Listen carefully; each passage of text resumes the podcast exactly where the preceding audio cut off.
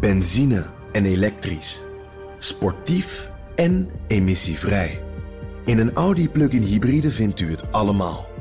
Ervaar de A6, Q5, Q7 en Q8 standaard met quattro vierwielaandrijving.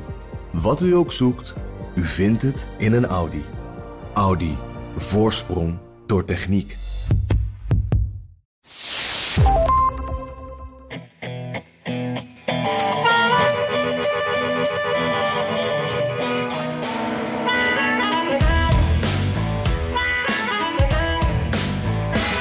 Dat de impeachment van Joe Biden niet gaat lukken, staat vast. Niettemin is een commissie in het Huis van Afgevaardigden begonnen met de eerste hoorzittingen om Biden af te zetten.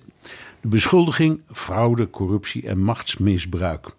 Zo zegt parlementsvoorzitter Kevin McCarthy bewijs te hebben dat geld dat Bidens zoon Hunter ontving uit China werd overgemaakt naar het kantoor van zijn vader.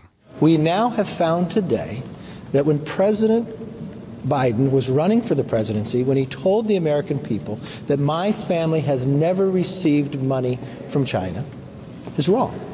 We now found today that there were two checks wired from Beijing from Jonathan Lee, $250,000, to Hunter Biden. And you know the address? Was Joe Biden's home. Dat speelde zich allemaal af toen Biden vicepresident was onder Obama. Dus los van de vraag of er voldoende bewijs is, is er ook de vraag of je een president kunt afzetten vanwege een kwestie uit zijn vorige baan. Ook Donald Trump zit alweer in een lastig pakket door een gerechtelijke uitspraak over fraude in New York. En hij distancieerde zich opnieuw van het verkiezingsdebat tussen de Republikeinse verkiezingskandidaten. Kortom, een volle bak in deze 199ste aflevering van de Amerika-podcast.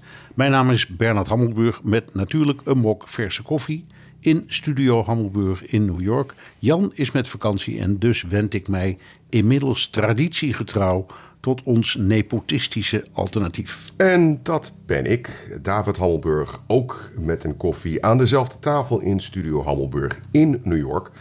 We zitten voor de veranderingen dus oog in oog uh, met een behoorlijk vol programma. Dus laten we meteen aan de bak. Uh, en dan, ja, dan beginnen we uh, met het impeachmentonderzoek uh, door een commissie in het Huis van Afgevaardigden. waar zoeken ze naar? bewijs dat Bidens zoon Hunter dubieuze zaken heeft gedaan met Oekraïne en China. Uh, hij zou dat te danken hebben aan zijn vader, uh, die toen vicepresident was en die volgens bewijs dat de commissie zegt te hebben, heeft mee geprofiteerd. En dat is corrupt, frauduleus en misbruik van macht. Maar dat verhaal is heel oud. En de FBI en het Openbaar Ministerie hebben nooit bewijs kunnen vinden heeft de commissie nou materiaal dat politie en justitie niet hebben? Nou, dat is uh, in elk geval wat de commissie beweert. Uh, maar ze zien natuurlijk het gevaar van een doodspoor en dus formuleren ze het voorzichtig. Dus niet, wij komen met spijkerhard bewijs, maar met deze hoorzittingen kunnen we uh, het nu duidelijk eens goed onderzoeken. En het doet me een beetje denken aan een bord spaghetti dat je tegen de muur gooit. En kijken wat blijft plakken en wat niet. Daar doet mij dit een beetje aan denken. Komen ze met voldoende munitie om de zaak naar het plenaire huis van afgevaardigden te brengen? Want dit is alleen een commissie en die doet een aanbeveling. Uh, en, uh, dus die zegt, we komen tot een voorstel voor impeachment. Dus redden ze dat, dat en wordt het, denk je, een echte impeachment? Nou ja, als er genoeg bewijs is, maar uh, eerlijk gezegd gelooft niemand dat. Kevin McCarthy is met dit circus begonnen om de rechtervleugel in zijn fractie, de Freedom Caucus, te paaien. Uh, er spelen verschillende kwesties, zoals het gevecht om verhoging van het schuldenplafond, uh, voorzettingen van de steun aan Oekraïne en nog een aantal zaken. Natuurlijk de grens, immigratiebeleid, dat is een groot probleem. In al die kwesties ligt de Freedom Caucus dwars. Dus waar ze feitelijk naar kijken is een enorm intern gevecht binnen de Republikeinse fractie. En laten we eerlijk wezen, uh, vanaf dag één dat Biden president werd, uh, zochten ze eigenlijk al een goede reden om een impeachmentprocedure te beginnen. wat, waar, hoe, dat deed er niet echt nee. toe. Maar dat riepen ze al vanaf dag één. Eerlijk gezegd gebeurde ook met Trump. Ja. Ja, zijn naam was nog niet gevallen of er werd al gezocht naar een impeachmentreden, zal ik maar zeggen. Ja, weg met die man en we, vinden, man. en we vinden wel een goede reden. Ja, precies. Ehm, eh, dus die impeachment, die vrijwel kansloos is, die dient als bliksemafleider voor de politieke loopgravenoorlog binnen de Republikeinse Partij. Nou, zo zien in in ieder geval vrijwel alle commentaren het, eh, commentatoren het. Eh, maar je ziet van links naar rechts veel, wel heel veel wantrouwens tegen Hunter Biden. Eh, eh, tegen hem loopt ook een gerechtelijk onderzoek van een speciale aanklager, door Trump benoemd. Eh, maar daarin hebben ze opmerkelijk veel Amerikanen eh, eh, geen vertrouwen. Je zou dus kunnen zeggen dat het goed is dat die hoorzitting er is. Want laat alles maar naar boven komen. Maar dat er tegen Hunter Bi- Hunter Biden een zaak loopt. dat, dat speelt al een hele lange tijd. En de meeste Amerikanen, ik ook zeg, terecht, komt u maar. Want ja, het stinkt van alle kanten. Ja, goed, maar ze hebben in al die vijf jaar niets kunnen vinden, anders waren ze er wel mee gekomen. Ze zijn toch, ze, die, die, die, die, eh, zo- zo- Zo'n dienst als de FBI of al die de- het ministerie van, Defen- van eh, Justitie, zijn toch niet op hun achterhoofd gevallen? Nee, eh, niet echt. En dat is maar goed ook voor hem. Want hij staat er in de peilingen niet best voor. Natuurlijk Biden zelf. Maar even terug, en dan hebben we het over afgelopen zomer.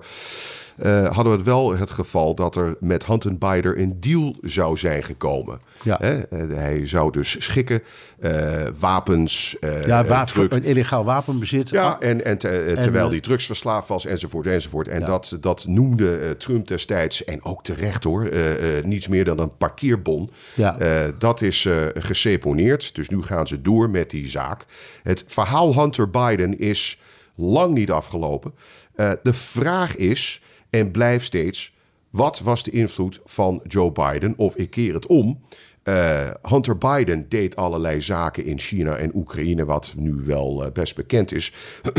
en liet papi meeluisteren of meekijken of even dag zeggen. En de naam, de naam Biden betekende nou- nou wat. Nou zitten we hier aan tafel met z'n tweeën gezellig eh, en we grappen over het nepotisme. Maar dit is natuurlijk echt nepotisme. Ja. Dat is waar ze echt in nou, willen wacht duiken. even. Jij en ik worden wel schatrijk van deze Amerika-podcast. ja.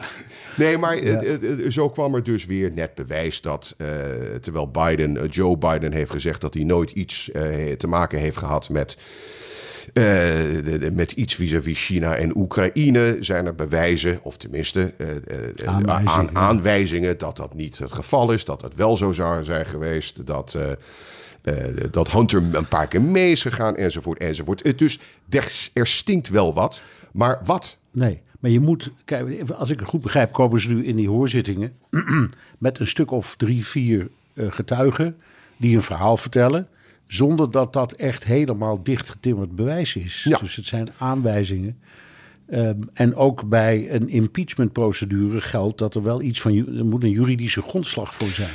Ook in dat hele laptopgeval, hè, dat, eh, dat hij zijn laptop heeft gedumpt om te laten maken in, eh, in een bedrijf in Delaware. Ehm, dat volgde, eh, dat is gelekt. New York Post heeft, de rechtse New York Post, eh, heeft daar eh giga verhalen over gemaakt. Niemand wilde dat geloven, niemand wilde dat volgen, totdat een half jaar later de New York Times er ook maar is ingedoken. En het bleek dus gewoon waar te zijn. Ja. Maar alles wat er op die laptop stond, is ook is ook niet echt bewijs. Het zijn alleen maar aanleidingen. Als je er echt in duikt, duikt dan denk je: oké, dit ziet hier wel niet helemaal goed en dat ziet hier helemaal wel goed. Maar wat je hier noemt de smoking gun hebben ze nog niet gevonden. Maar aanleiding na aanleiding na aanleiding zeggen de Republikeinen, rechtse Republikeinen: ja, dat hadden we met Trump ook. Dus zie je wel, zo kunnen we deze, eh, dit Ja. spelletje ook spelen. Ja, en misschien, kijk, als ze getuigen vinden die echt wat meer weten, is dat misschien ook gewoon nuttig. Want als die hoorzitting wordt gehouden en het maakt echt duidelijk hoe het zit, dan bewijzen ze de, het land ook nog een dienst met al hun. eh, eh, terwijl ze ja, bezig zijn aan, aan een, eh, aan een eh, loopgravenoorlog intern. Ja. Het, het, is, het kan geen kwaad dat het allemaal eens naar buiten komt. Ik- als het naar buiten komt. Als het naar buiten komt. En ik heb zo'n gevoel, hè, de lock 'em up. Dat is inmiddels een beroemde kreet in, het la- in dit land. Ze bego- begon met Hillary en daarna met, met Trump. Eh, en dus nu ook met Biden. Allebei de Bidens. En ik heb iets van, als ze allemaal schuldig zijn, lock 'em all up. Ja. Wat maakt dat nou uit? En wat, wat, of de ene een republikein is of een, onder- en de andere democraat. de, de, de recht is de recht. En ja, nou ja, hoeveel, hoeveel er is gesjoemeld of gespeeld met macht, dat, dat, dat moet dus allemaal blijken. Maar, spannend. ja, en McCarthy zegt, nou ja, laat het allemaal maar voorkomen. En als ik Joe Biden zou zijn, dan zou ik zeggen, ja, ik heb niks te verbergen. Komt u maar. Klaar. Ja, gaat u gang. Oké, gaan we naar het Trump-feuilleton. Wie? Trump, wie is dat ook weer? Uh, eerst uh, even de zoveelste rechtspraak. Een rechter in New York heeft in een tussenvonnis vastgesteld dat Trump de waarde van zijn vastgoed spectaculair heeft opgevoerd om uh, bankleningen te krijgen. Um, ik, hoorde er net, of zou je ook hebben gezien, dat hij bijvoorbeeld um, het, van het appartement in New York zei dat, is, dat, dat, heeft, dat heeft 10.000 vierkante voet. Ik weet nooit hoe het omrekent. Maar hij heeft het, op, heeft het genoteerd voor 30.000 uh, vierkante voet. Dus drie keer zo groot als het is. Nou goed, dat, uh, dat was duidelijk om bij de Deutsche Bank, waar hij zijn leningen sloot, wat gemakkelijker toegang te krijgen. Nou, de, de, deze uh, veroordeeld, dit tussenvonnis, want dat is het, enorme overwinning voor de New Yorkse aanklager Letitia James die aan het begin van het proces een cynische grap maakte over Trumps boek The Art of the Deal. Claiming you have money that you do not have does not amount to the art of the deal. It's the art of the steal. Trump reageerde uiteraard woedend. This raging maniac campaigned for office ranting and raving about her goal. Her only goal is we got to get Donald Trump. We got to get him. She knew nothing about me. I never heard of her. Het is een tussenvonnis en er volgt nog een rechtszaak. Uh, maar Trump is immuun voor veroordelingen. Maakt dit veel uit? Ik zou zeggen, onder zijn volgelingen wordt de aanhang uh, alleen maar krachtiger. Hè? Elke keer als hij schuldig wordt gevonden, uh, dan roept de achterban: zie je nou wel een heksenjacht en we steunen hem nog meer. Hoe dat ook kan. Uh, maar, is een, maar er is wel een groeiend aantal republikeinen in het congres, uh, maar bijvoorbeeld ook gouverneurs en lokale politici, die behoorlijk genoeg krijgen van Trump. Niet omdat ze het niet eens zijn met zijn standpunten, maar omdat zij last krijgen van al die controversies. Uh, vergeet niet dat er uh, tegelijkertijd met de presidentsverkiezingen ook congresverkiezingen zijn en verkiezingen voor uh, de staatsparlementen en een aantal gouverneurs. dus dat wordt een lastig pakket.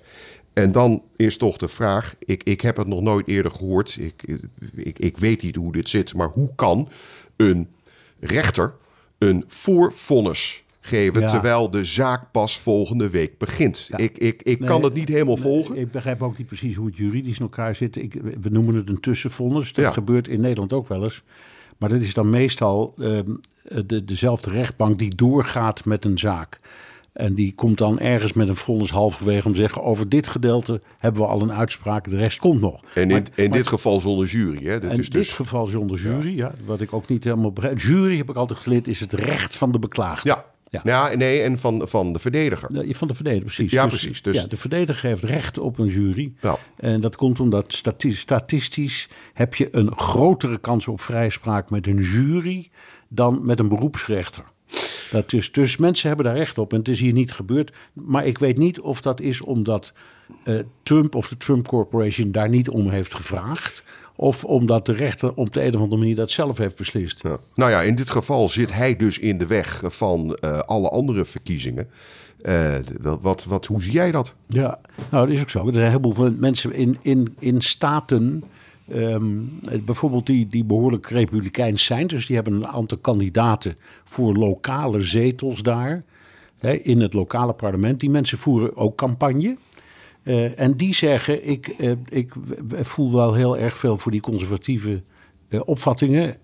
en ik vind Trump zijn ideologie helemaal zo gek nog niet. Maar ik wil bijvoorbeeld liever niet dat hij hier langskomt om campagne, voor me te voeren. Hè. Dat is ik, dus ik distancieer me graag van hem. En het zou mij ook wel wat waard zijn, hoor je af en toe, als een van de andere Republikeinen de, de nominatie won. Hè. Dus er is een beetje eh, het, geeft, het is belangrijk om vast te stellen, omdat je steeds maar hoort over die enorme ehm, successen die, die uh, Trump haalt in de, in de peilingen. Komen we misschien nog wel even op terug. Maar je moet goed uitkijken hoe het zit met de totale peiling in het, in het hele land. Hm. En dan liggen die verhoudingen um, anders. Dus um, we moeten kijken naar de populariteit in zijn eigen kring, onder een deel van de fractie. En die is indrukwekkend. Maar onder het totale Amerikaanse electoraat moet Trump nog een hoop hobbels over. Eh, Net als Biden trouwens. Ja, en ik zit, eh, terwijl je dat zegt, natuurlijk ook te denken. Er zijn een eh, groot aantal de, republikeinen die in staten wonen of, vertegenwoordigen waar Biden heeft gewonnen. Dus dat is ook zoiets. in een, laten we zeggen, een, een, een, een, een, eh, een staat eh, die Biden heeft gewonnen met een, Georgia, eh, met een, met een republikeinse gouverneur, ik noem Ja, maar wat. ja. Die moeten ook op hun hoede zijn. Ja. Ehm, dus hij gaat nu naar zijn veilige plekken. Ehm, maar ik moet nog zien of hij inderdaad met de rode loper wordt verwelkomd. Als deze processen maar door en door en, en, en door blijven gaan. En het, het is.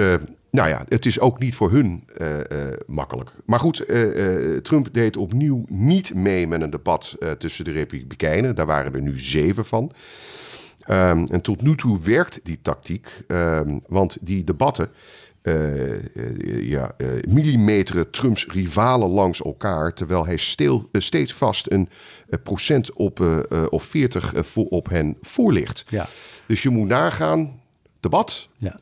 Eh, Zeven mensen. zeven mensen hebben het allemaal over Trump en Oekraïne en weet ik veel. En Trump maakt een toespraak in Michigan eh, over de, de autostakers. Ja. Dus dit, dit is ehm, voor hen niet makkelijk. En Trump, ja, die, die heeft steeds weer het publiek voor zichzelf. Dus is dit een winnende zet voor hem? Nou, uiteindelijk denk ik wel. Als hij gewoon conti- continu eh, eh, wegblijft bij alle debatten. Eh, en, en de verhoudingen veranderen niet zoveel. Dus de- die, die anderen die klimmen niet echt in de peilingen. Ja, dan heb je een grote kans dat die anderen ook niet kunnen winnen. En dan wordt hij bijna by default wordt hij de kandidaat. Ehm, wat ik me afvraag, is wat er daarna gebeurt. Als, ze eenmaal genomineerd, als hij eenmaal genomineerd is en gesteld dat het gewoon doorgaat, Biden wordt ook genomineerd. Als ik Biden was, zou ik zeggen: Weet je wat, vriend? Mij ook geen debatten. Zoek het maar lekker uit met je, met je rallies. Ik, ik speel het spel gewoon netjes en ik ga niet tegen een gek debatteren. Ik doe maar wat, hè? Jij loopt al wat langer mee. Is het verplicht? Nee, er zijn geen verplichtingen. Maar het is wel traditie. Ja, dat is traditie, maar er zijn een paar dingen waarvan we altijd over praten. Debatten, ze zijn, ze zijn gebruikelijk, maar niet, zeker niet verplicht. Ehm, en eh, bijvoorbeeld ook het publiceren van je inkomenscijfers en je belastingaangifte. Dat is ook niet verplicht. Dat heeft Trump ook niet gedaan. en voor Carter deed niemand dat. Nou, Car- niks, eh, eh, ja, Carter was de eerste. Ja, en precies, bij. Nixon was het anders. Want Nixon was betrokken in een soort schandaaltje. Die zou gesjoemeld hebben met geld. En toen heeft hij met een schoolbord voor de televisie zijn hele eigen inkomen zitten uit, uitgelegd. En daar zat zijn vrouw dan naar te kijken.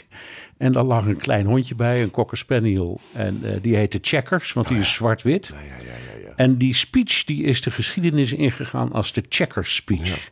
En wordt vaak eh, op eh, universiteiten of psychologische faculteiten op universiteiten getoond om te laten zien hoe zoiets werkt. Hoe, hoe massapsychologie werkt. Moet je nagaan als de iPad toen bestond. Ja, maar hij, hij is gewoon in primetime voor een schoolbord gaan staan en zeggen: Kijk, dit zijn al mijn inkomsten en uitgaven. Ik heb geen geheimen.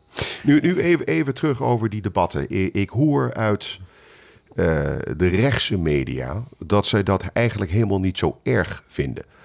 Ehm, want het is natuurlijk heel spannend. Laten we zeggen dat Trump voor een of andere reden niet genomineerd wordt. Ja. En dat heeft dan misschien best wel te maken met al die, eh, Al die die, al die rechtszaken en de strafblad wat er over zijn hoofd zit. Oké, oh, oh, dat, dat kan.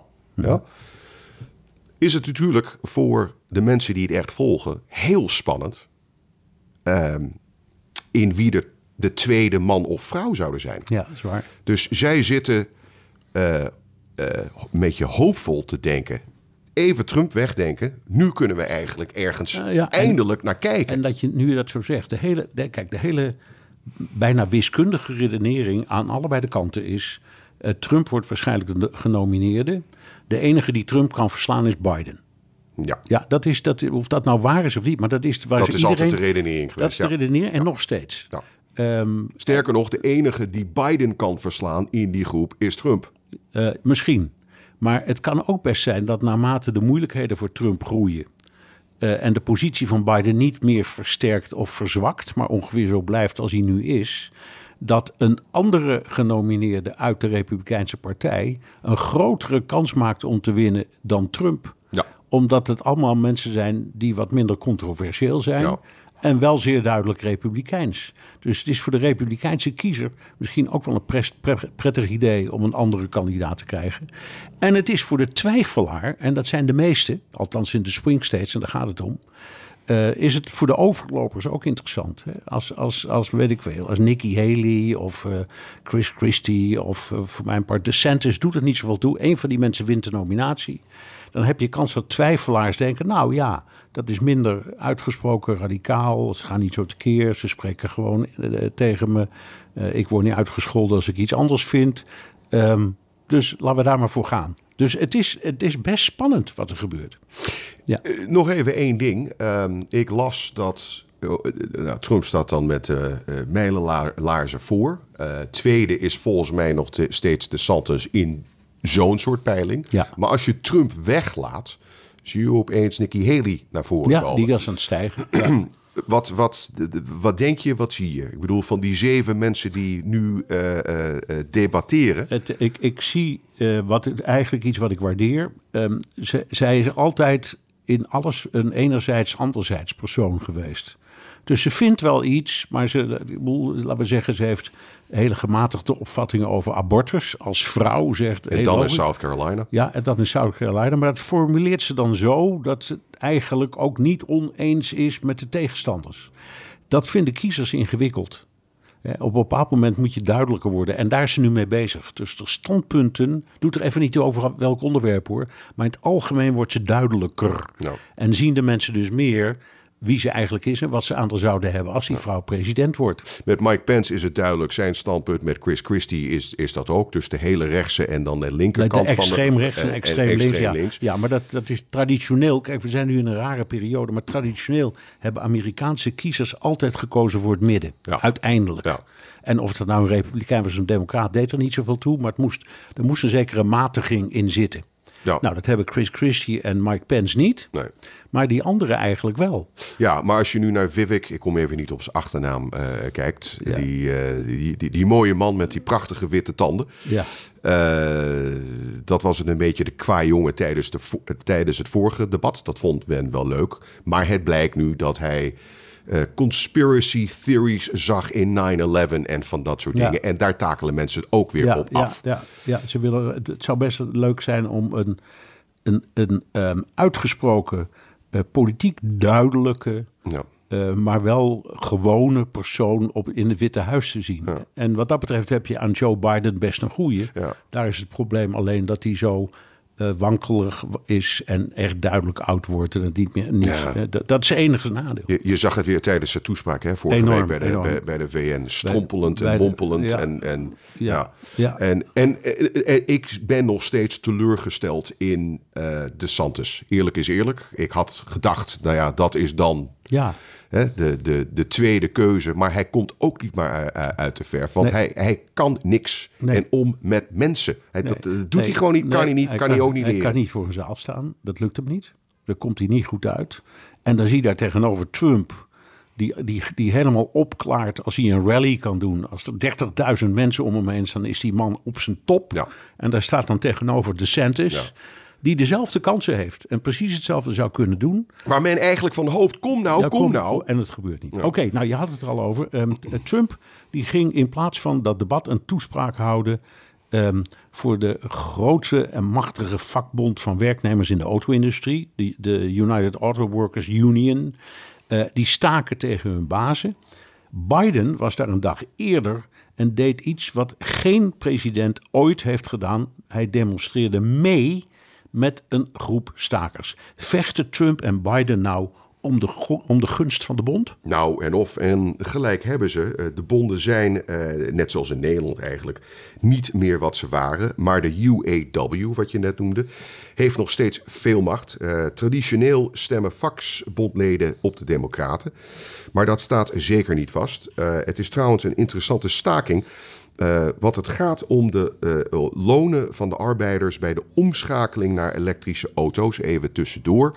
Zij willen een 40% verhoging in de komende uh, vier jaar. de auto-industrie zegt 20%. Maar daar gaat het eigenlijk niet om. Het gaat dus om het veranderingen van wat die mensen doen. Biden is op het gebied van klimaat en milieu behoorlijk fanatiek. Dus bij hem gaat het erom dat de transitie snel plaatsvindt. Um, maar wel met fatsoenlijk betaald personeel. Trump en veel republikeinen vinden uh, de uh, klimaatdoelstellingen overdreven of uh, vaak zelfs onzin.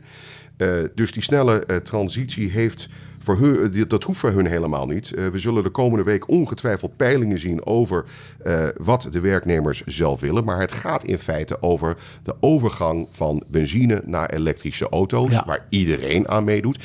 En om elektrische auto's te maken heb je minder personeel nodig. Een ander soort personeel. En een ander soort personeel, een hoger opgeleid personeel. Ja. Dus wat doe je met de traditionele um, uh, uh, werker op een, uh, in, een, in een fabriek. En wat dat betreft is misschien ook wel slim van die bond dat ze daar nu inspringen. Want er moet wel duidelijkheid komen.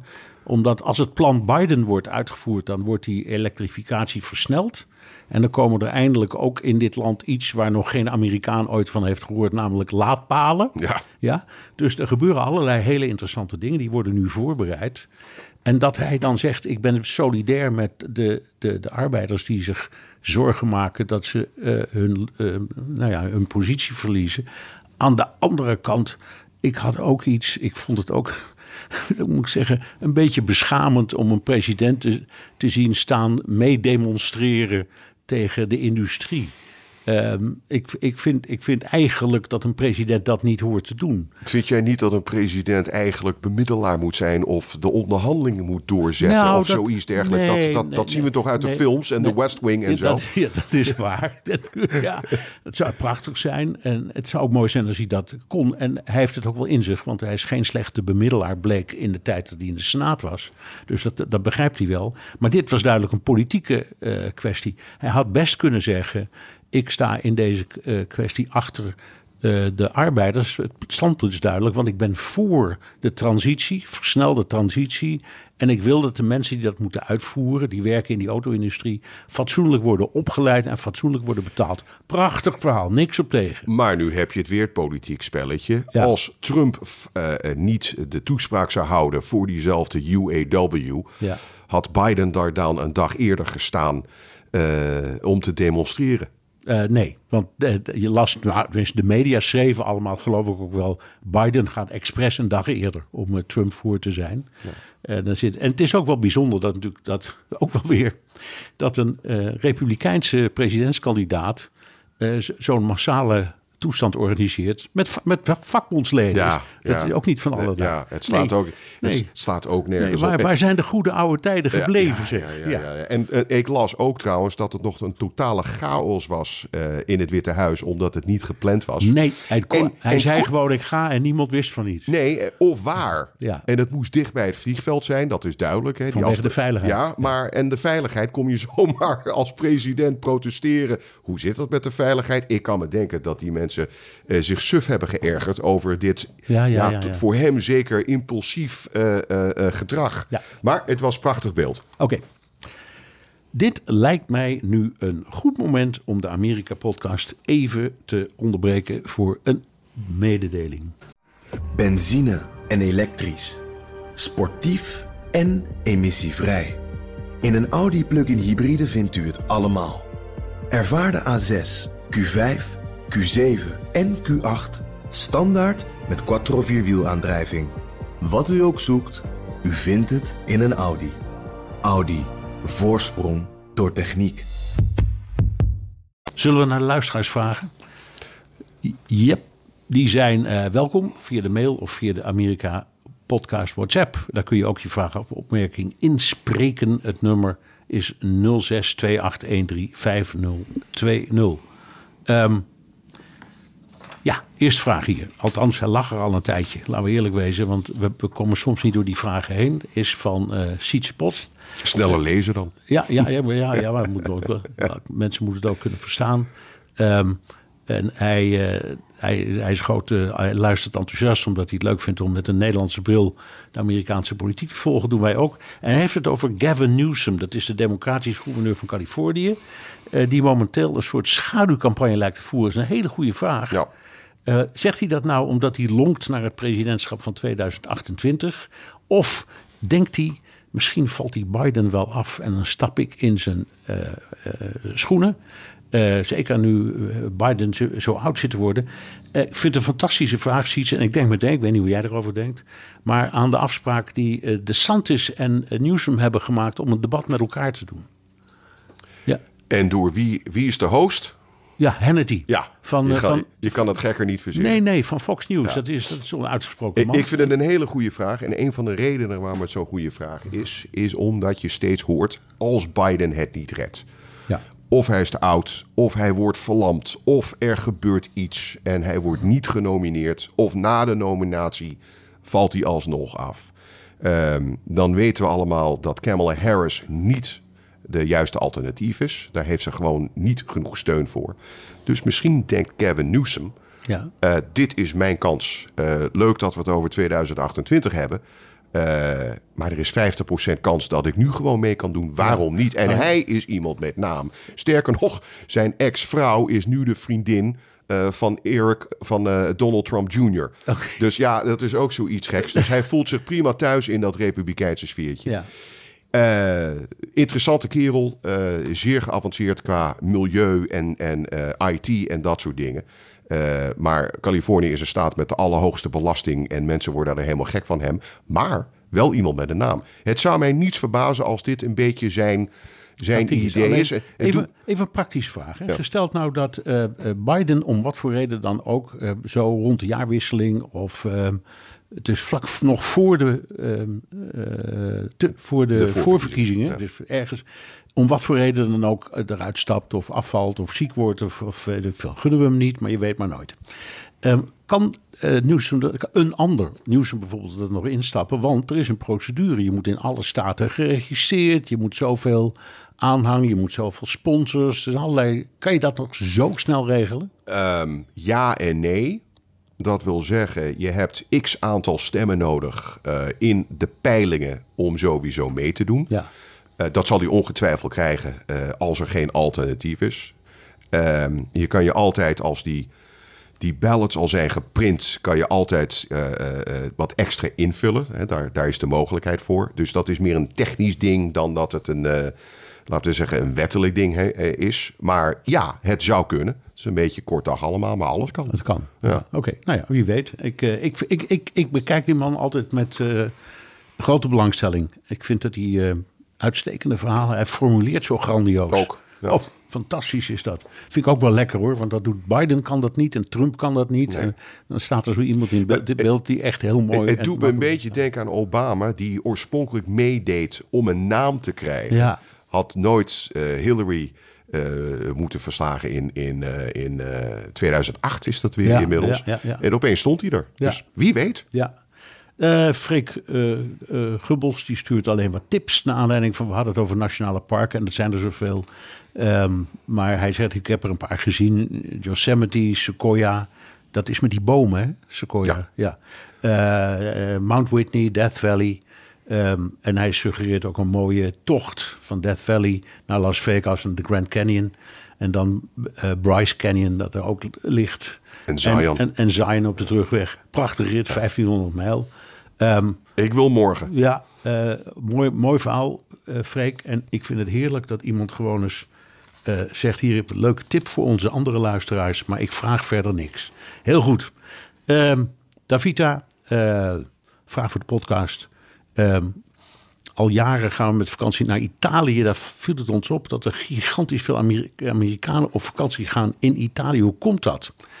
Eh, ik hoor het graag. Eh trouwe lu- luisteraars sinds aflevering 17. Nou, dat is echt, we zitten bijna aan de 200, dus bravo. Eh, heel simpel antwoord. Eh, eh, coronatijd kon niemand weg. Nu wil iedereen alles doen wat ze altijd al hebben gewild. Ja. Italië staat heel hoog aangeschreven bij de meeste Amerikanen. Ik heb, ik heb altijd geleerd dat Amerikanen nooit weggaan. De meesten hebben ook geen paspoort. Maar als ze gaan, gaan ze of naar Italië, of naar Rome, of naar Londen. Ja. Dat is het. Ja. En verder eigenlijk niet. Dat zijn Maar goed, de meest de- populaire. Dit is de coronakoorts, wat je nu ziet. Oké. Ehm eh, Belliani die heeft alles meer geschreven. Die vindt ons eigenlijk een beetje bevooroordeeld. Ehm, hij was al afgehaakt, maar is dan toch weer even eh, gaan luisteren. Wat ik waardeer.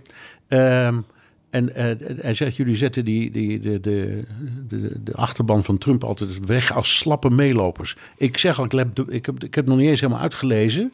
Maar dat heb ik nog nooit gezegd en ook nooit gedacht. Dat zit niet in ons hoofd. Eh, en hij zegt, waar maakt dat op? Nou, in principe noemen jullie Trump-stervers bijna altijd Trump-supporters of aanhangers. Maar bij Biden zeggen jullie nooit de Biden-supporters of aanhangers. Ook dat is niet waar, dat doen we wel. Ehm, maar het heeft ook gewoon een praktische reden. Ehm, die, eh, de supporters van eh, Trump zijn buitengewoon luidruchtig en zichtbaar. Ja. En die van Biden heel moeilijk zichtbaar. Eh, en dat is ook iets waar veel mensen die er verstand van hebben zich zorgen om maken. Waar, waar zijn de demonstrerende, gillende, schreeuwende, enthousiaste democraten? Zit niet zo in hun DNA. Nee. Ehm, dus eh, ik, nou, ik, fijn dat je schrijft en blijf luisteren. En eh, we krijgen wel eens af en toe een klacht. ehm, Ik- dat we, dat we een beetje pro-Trump of een beetje pro-Biden zijn. En gelukkig krijgen we de klachten allebei. Ik zeg even één ding. Wat je met Trump aanhang noemt, je zegt het al, dat zijn van die fervente, schreeuwende supporters, maar die steunen hem door dik en din, dun. dun. dun. Ja. En met Trump, eh, met eh, Biden, is dat inderdaad heel ver te zoeken. Ik, ik hoor het wel, ik Ja. zie het wel, ik merk het wel. Maar ik zie geen schreeuwende Biden- Biden-supporters. Nee, en dat, om- dat nee, merk je. Nee, het is ook zo. En je rijdt ergens door het land en dan zie je plotseling tuinen helemaal vol met vlaggetjes. Ja. De, de, bij- Republikeinen staan die tuinen helemaal vol. Bij Democraten zie je één vlaggetje Ja. met één naam. Ja, en dat is het. dat verder. is het, ja. Dus het is ook een ander soort. Ja, het is, het is een andere cultuur. Maar het is een goede vraag. En ik hoop dat we jou eh, terugwinnen als luisteraar. Want we vinden het fijn. Ook als je kritisch bent. Eh, een vraag van Gibi. Ehm, en die, die, die is voor jou, niet voor mij, dat is duidelijk.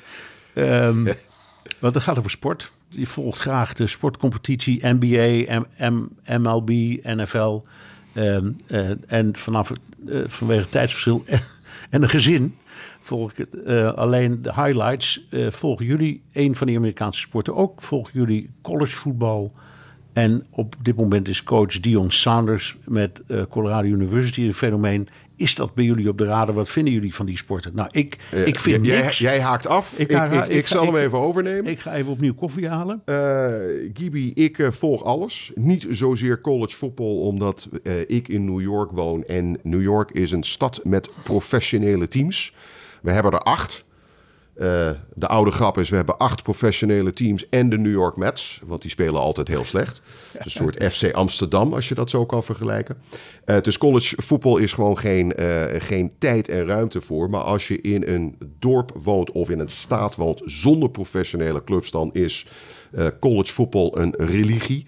Ehm, met een aanhang waar je u tegen zegt. En gemiddeld komen daar dan 100.000 mensen uit vele verre staten om naar zo'n voetbalwedstrijd te gaan. Het is wel een prachtig fenomeen.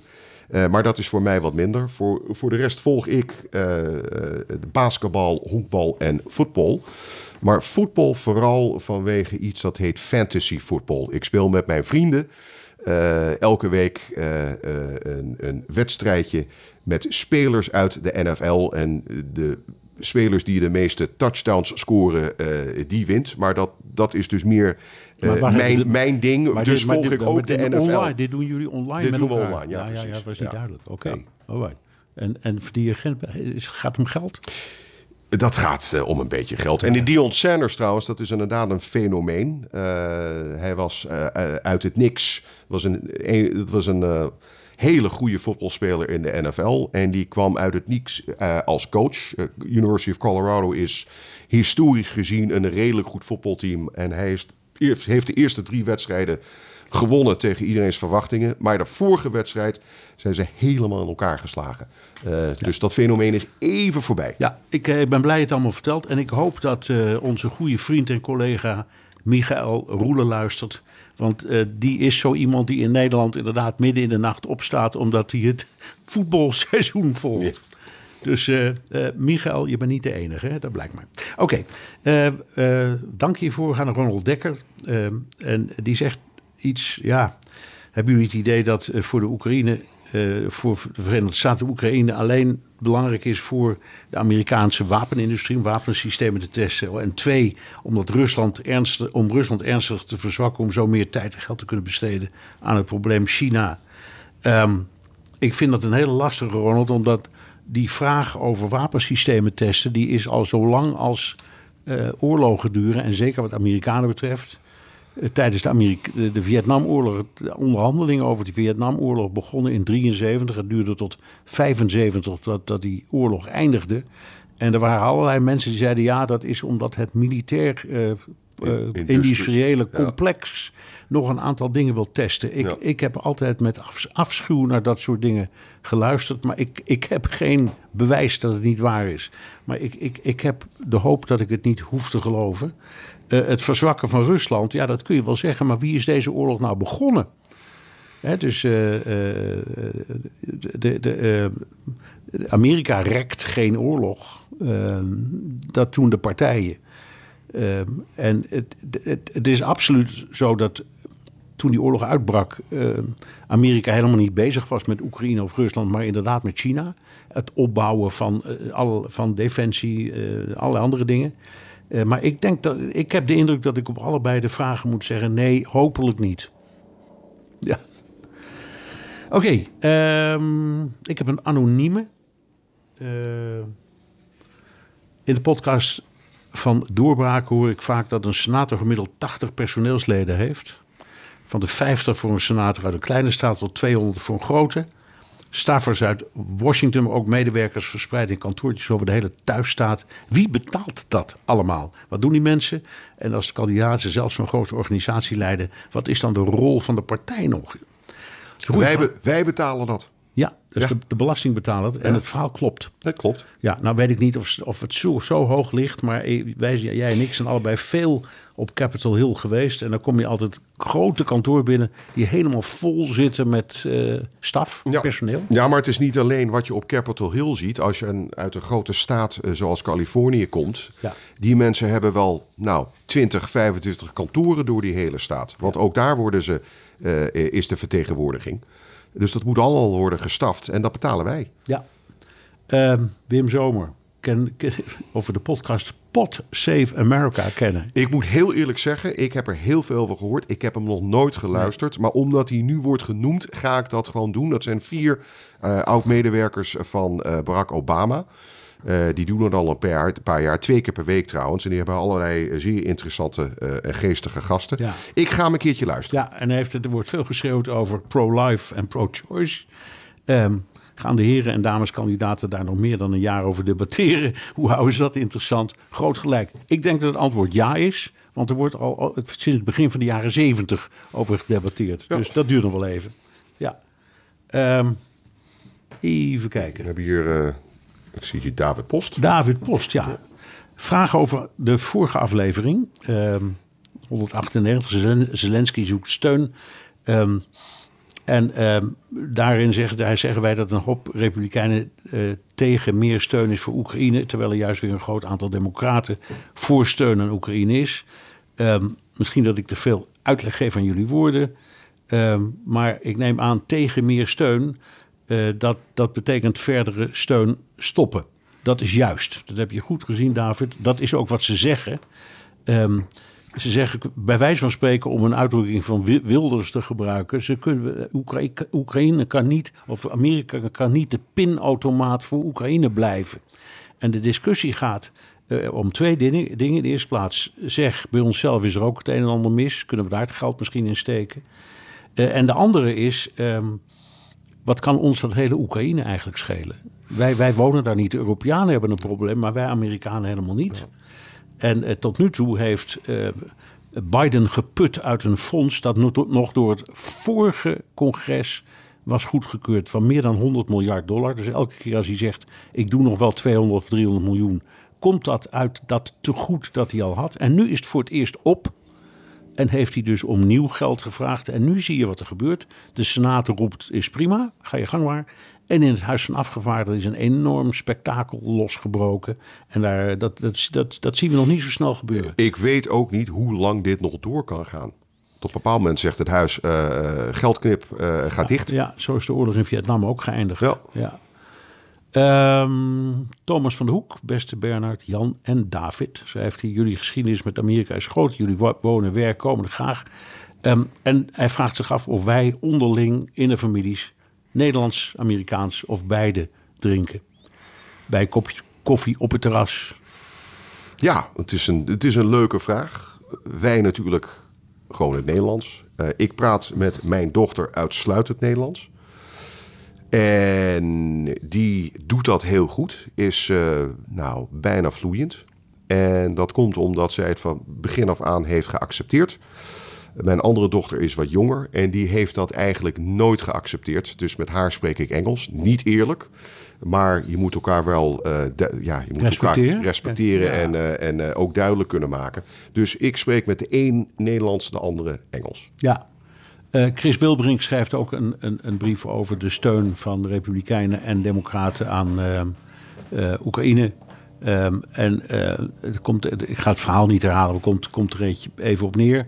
Um, maar um, uh, uh, de vraag is, uh, die stelt, wat bedoelt Trump nou als hij zegt, ik los het in 24 uur even op. Wat hij heeft gezegd, dat probleem. Um, want dat kan niet anders gaan dan ten koste van Oekraïns grondgebied. en ik neem aan, schrijft hij, dat Poetin het wel prettig zou vinden. Nou, Chris, we kunnen je melden. Poetin heeft inmiddels heel erg duidelijk gemaakt dat hij een vreugdedans maakt als hij de naam Poetin, als hij de naam Trump hoort. En, en Poetin is niet zo van de vreugdedansjes. Nee. Maar die hoopt echt van harte dat Trump gaat winnen. Ja. Ook om deze reden. En ook precies, de, de voorspelling is goed. Want gesteld nu dat er een bestand komt, nu, op dit moment. En iedereen gaat akkoord. Dan heeft Oekraïne per definitie verloren. Ja. Want het grondgebied dat Rusland heeft ingenomen, ja, dat is, uh, dat is dan plotseling Russisch. Of in elk geval onder Russische invloed. Dus uh, bedankt. Um, even kijken. Oh, dit is een leuke, joh. Van, um, um, wie is dat? Ik weet niet wie het is. Uh, Chris. Een anoniem, nee, is het zo? Nee, nee, dit nee? was. Nee, nee. Oh, het, is een was anoniem, het is een anoniem, maar het is een fantastische Oké. vraag. Ja, er zijn heel veel berichten over het feit dat in Nederland de Mac-kroket eh, alleen nog maar vegetarisch wordt aangeboden. En hoe er in Amerika wordt gereageerd. ja, eh, en ik kan je heel simpel vertellen. Als Amerika hebben een ontzettende hekel aan kroketten. Je kunt ze echt aan de straatsteden niet kwijt. De meeste Amerika. Amerikanen weten niet eens wat een koket is. Dat Nee, is een echt en- Nederlands ding. En als ze er eentje proberen, vinden ze het vies. Want ze vinden iets wat van buiten keihard is en van binnen helemaal zacht. Dat vinden ze walgelijk. Dus dat willen ze helemaal niet. Behalve een zachte patat Ja, misschien. en, eh, en nog eens een vraag over de, de scriptschrijvers. Ehm, of dat veel invloed heeft op de productie van film en series. Reken maar, gelukkig is die staking voorbij. Maar het is zo dat elke talkshow, laten we zeggen, eh, shows zoals wij die in Nederland eh, hebben, eh, in de, voor- bijvoorbeeld dingen als Jinek. Ehm, waar vaak ehm, ja, belangrijke teksten in zitten die niet helemaal politiek zijn. Eh, die worden geschreven door tekstschrijvers. En eh, dus dat soort shows, de, de talkshows 's avonds, zijn ook allemaal op slot, op slot gegaan. Eh, ook uit solidariteit hoor. Ook omdat sommige van de makers zeggen: ja, ik ga nu niet uitzenden. als ik weet dat mijn collega's problemen hebben. Maar zo zat hij ongeveer. Er was vorige week nog een hele heisa, want zowel Drew Barrymore als... ehm, eh, Ja, was er nog een. Ik kom even niet op zijn naam. Nou, doet er niet toe. Zeiden, weet je wat? Het is nu lang genoeg geweest. Ja. Eh, de eisen zijn inmiddels een beetje overdreven. Wij beginnen gewoon weer met de talkshows. En toen Ja. werd er eh, toch een stelletje Ja, ja. ges- geschreeuwd en eh, gedemonstreerd voor waar die shows zich zouden plaatsnemen. Dus iedereen heeft zich uiteindelijk toch weer teruggetrokken. en zijn loyaal geweest totdat die staking nu, nou ja, bijna over is. Ja. Eh, we hebben nog twee vragen. Eentje die, eh, die, die vat ik samen is van Alex Ooms, maar die is eigenlijk hetzelfde. Die heeft het over de kansen van Gavin Newton. Newsom. Newsom, ja. Nou, daar hebben we het net over gehad, dus ik hoop dat je ehm, eh, dat hebt gehoord. En nog eentje van Alois de Jonge. Ehm, zoals ze in Amerika zeggen, is de vicepresident in dit geval Kamala Harris slechts één hartslag verwijderd van het presidentschap. Hoe denken jullie dat ze het zou doen in een presidentsrace tegen Donald Trump? Zijn daar peilingen over? Goeie vraag. Eh, je bedoelt Kamala Harris? Ja. Hoe zou zij het doen tegenover Trump? Ik heb geen idee. Ik ja, ik, ik, ik kan wel wat bedenken. Ik, Kijk, denk, ik, denk, ik ook. nee, Ja, jij eerst. Nee, nou oké. Kijk, die vrouw die was aanklager. Ja, en is- daarna minister van Justitie in Californië. Ja. Dus die is niet op je mondje gevallen en die is gewend aan wat ze in het Amerikaans litigation noemen. Ja. En dat is wat, je, wat in een rechtbank het gevecht is van de twee zijden tegen elkaar. Dus ik denk dat zij tegen iemand als Trump in elk geval wat lef en inhoud betreft makkelijk op kan. Of ze ook de kiezer overtuigt, dat vraag ik me af. Want tot nu toe heeft ze helemaal niemand waar dan ook van overtuigd. Ja, ik, ik, ik, ben dit, eh, ik ben het met je eens. Ik denk dat zij een straatvechter zou worden tegenover Trump. Ja.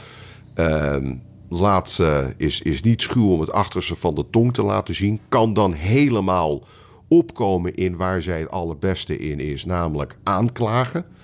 Ehm, maar je hebt gelijk, is dat wel goed voor de kiezer? Ik betwijfel het. Maar als er een president Harris zou zijn vis-à-vis Trump, dan wordt dat een spektakel. Ik, Ja. ik, ik zou dat, nou ja, goed, voor eh, mindere redenen niet zo leuk Nee, vinden, en- en- omdat Biden er dan niet meer is. Maar in, in het geval van Kamala Harris, dat, dat zou een Het zou- spektakel zou een worden. spektakel zijn. Even één aantekening nog, Alois. Want dat d- is niet onbelangrijk om te herinneren. Eh, ehm, Kamala Harris eh, werd bekend, was senator. Hè. Was, had eerst dus een carrière in Californië, was daarna senator. Ehm, en eh, die deed dat best, best goed. Niet bijzonder, maar die deed het best goed. Ehm, en die ging, meedoen, die, die, die, die ging meedoen aan de race. Maar die heeft niet eens de eerste voorverkiezing gehaald. Nee, en dat- Toen was ze er alweer uit. Ja, en dat komt ook omdat er eh, interne bonje is binnen haar eigen campagne destijds. Mensen zijn schreeuwend weggelopen. Ehm, en ze kon geen duidelijke boodschap verwerven. Dus niemand wist eigenlijk waar ze voor stond. Behalve dat het een, ehm, een, een, een, een, een aanklager Eh, is. En dat ze dus eh, ja, goed uit de woorden kan komen. Wat ik wel ook zou willen zien is een debat tussen Gavin Newsom en Trump. Dat Ja. zou ik spectaculair zou leuk, vinden. Ja, ja. Want dat, ik denk dat ze van elkaar ook best leuk zouden vinden. Ik denk het ook. Ja. Nou ja, en het, het, het- zijn voormalige vrouw is eh bijna getrouwd met, met, met de zoon, zoals ik al zei, met de zoon van Trump. Dus ja, Ik weet, ik weet nog uit de vorige race dat Trump zei... ik wou dat Bernie Sanders had gewonnen. Want daar zou ik dolgraag mee willen debatteren. ja. Nou ja, die, die twee waren ook een beetje gelijk in, in het feit dat ze eh, niet in Washington horen en eh, Nee. een beetje de outsider. Maar goed, over oude mensen gesproken, dat kan niet meer. Eh, dat was hem weer, eh, de Amerika-podcast. Ja, terugluisteren kan via de BNR-site, Apple Podcasts of Spotify. Heb je vragen, opmerkingen, kritiek of complimenten... dan kan dat ook met een tweet naar Jan Postma USA of BNR De Wereld... of heel ouderwets met een mailtje naar dewereld.bnr.nl. En je kunt ook je vraag inspreken of intikken op de Amerika podcast WhatsApp 06 28 13 50 20. En zet je naam en adres er even bij. En dan krijg je misschien die geweldige Amerika-podcast Mok. Volgende week een bijzonder moment, want het is namelijk de 200ste aflevering van de Amerika-podcast. Dat is echt wel wat, hè? Ja, Jan en Bernard doen dan samen eh, eh, dat, eh, die podcast in de PNR-studio. Wat mij betreft, tot een volgende keer.